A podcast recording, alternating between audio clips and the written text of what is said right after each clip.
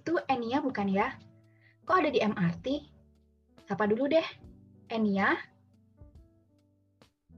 Hansa, apa kabar? Kamu ngapain di sini?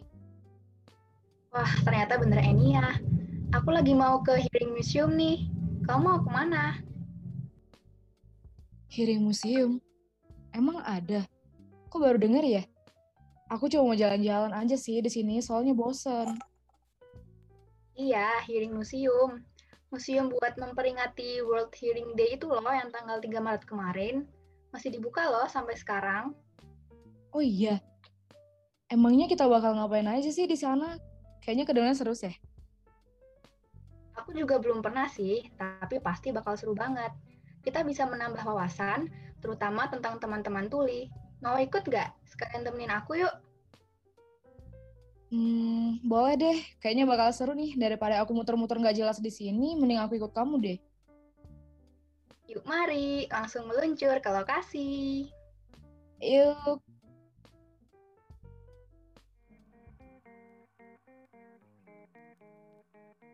Hai kakak-kakak, perkenalkan saya Diota sebagai pemandu tur pada hari ini. Selamat datang di Hearing Museum. Pertama-tama, saya akan menjelaskan kenapa sih museum ini didirikan.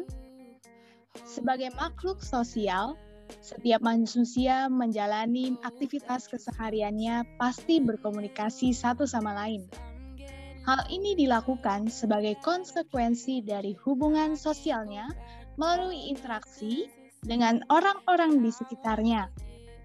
Dalam menjalani kehidupan kesehariannya, sebagian besar diisi dengan kegiatan berkomunikasi, mulai dari mengobrol, membaca koran, mendengarkan radio, menonton televisi atau bioskop, dan sebagainya.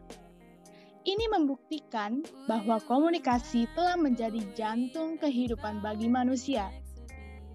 Akan tetapi, tidak semua orang di dunia ini diberkati dengan kemampuan pendengaran yang baik. Kita mengenal istilah teman dengar dan teman tuli. Tidak sedikit orang yang beranggapan bahwa suara menjadi satu-satunya jembatan untuk berkomunikasi. Mungkin kita lupa aksara turut serta membangun bahasa. Mungkin kita juga lupa tanpa sebuah rasa pesan tidak akan tersampaikan secara sempurna. Boleh jadi mereka tidak mendengar apa yang kita ucapkan, tetapi mereka adalah perasa yang tangguh.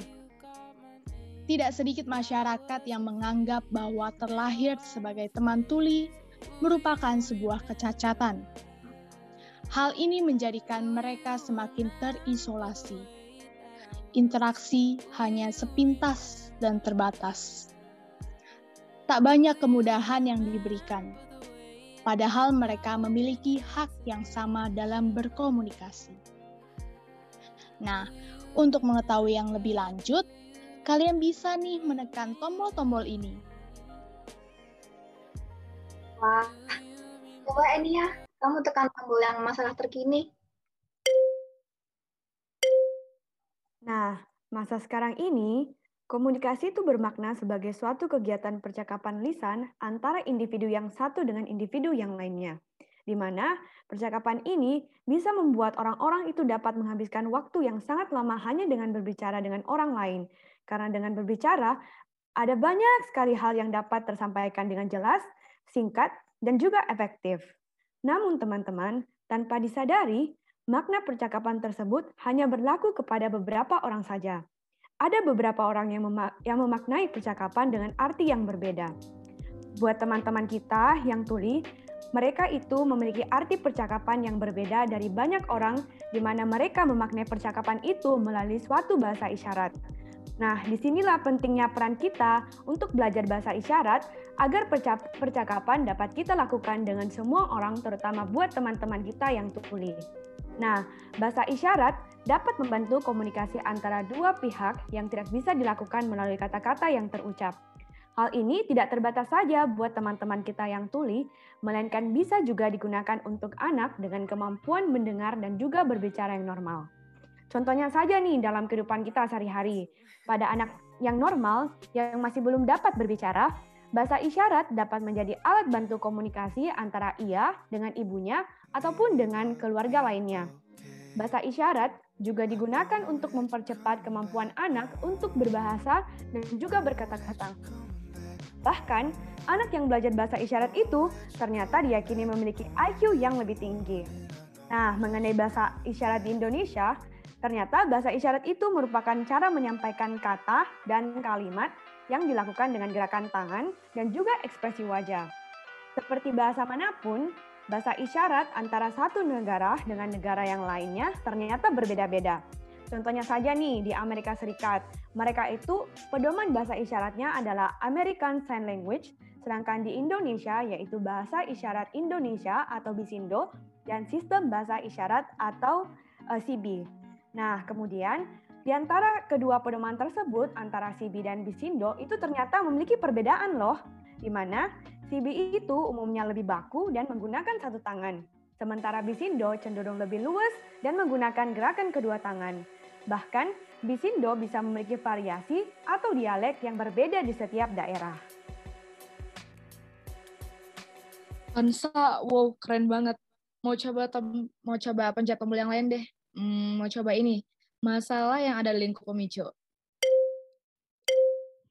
Masalah yang dapat di-highlight dari kondisi yang ada sekarang adalah mengenai stigmatisasi masyarakat terhadap kondisi teman tuli. Masyarakat beranggapan bahwa hambatan dalam mendengar yang dimiliki oleh teman tuli adalah bukti bahwa mereka tidak normal dan tidak akan bisa melakukan komunikasi dengan orang lain secara efektif. Standarisasi kata normal di sinilah yang menjadi akar masalahnya kebanyakan orang berpikir bahwa komunikasi yang normalnya dilakukan oleh orang hanya dalam bentuk verbal.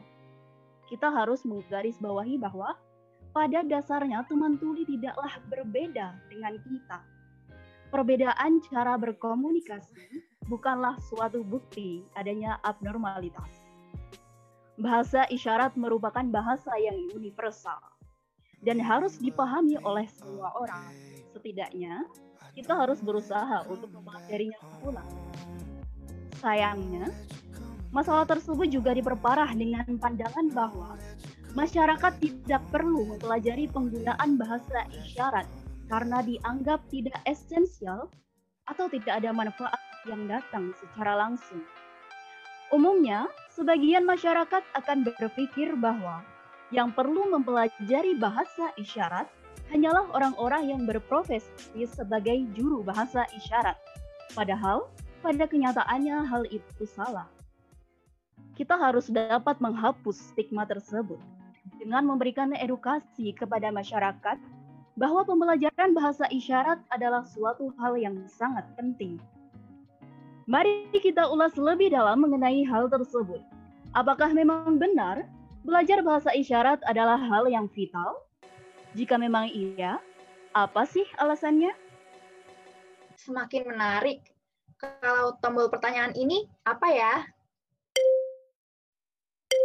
Nah, sekarang kita masuk ya ke pertanyaannya. Penggunaan dan pembelajaran bahasa isyarat itu penting nggak sih? Penggunaan bahasa isyarat tentunya sangat berguna, baik untuk diri kita sendiri maupun untuk orang lain. Kita tidak tahu apakah nanti atau mungkin saat ini kita sudah menemukan teman-teman tuli di lingkungan kita. Dengan mempelajari bahasa isyarat, kita dapat membantu teman-teman tuli dan mempermudah kehidupan mereka sehari-hari. Selain itu, mempelajari bahasa isyarat juga berguna untuk diri kita sendiri. Seperti yang kita tahu, otak kita akan semakin berkembang seiring kita mempelajari hal-hal yang baru. Ketika mempelajari bahasa isyarat, kita juga bisa mengasah memori kita, meningkatkan kemampuan kita dalam berkonsentrasi, penggunaan anggota gerak seperti tangan, dan juga penggunaan ekspresi wajah kita. Kemudian, mempelajari bahasa isyarat juga bisa meningkatkan kemampuan kita dalam bersosialisasi. Kita dapat kita dapat mendapatkan teman-teman baru dari komunitas teman tuli dan teman-teman baru yang sama-sama sedang belajar bahasa isyarat. Mempelajari bahasa isyarat juga membutuhkan perhatian penuh loh, tidak seperti komunikasi secara verbal pada umumnya yang bisa kita dengar saja tanpa melihat wajah lawan bicara kita. Hal ini tentunya bisa melatih kita dalam menjadi pendengar yang lebih baik. Terakhir, Belajar bahasa isyarat sama dengan mempelajari budaya baru, sehingga kita bisa menjadi individu yang lebih peka dan peduli terhadap lingkungan dan orang-orang yang ada di sekitar kita. Jadi, kesimpulannya, penggunaan dan pembelajaran bahasa isyarat itu tentunya sangat penting. Yuk, kita belajar bahasa isyarat. Wow, keren-keren banget sih ini informasinya. Makasih ya Kak Maria udah membantu tur kita pada hari ini loh. Keren banget loh, sumpah.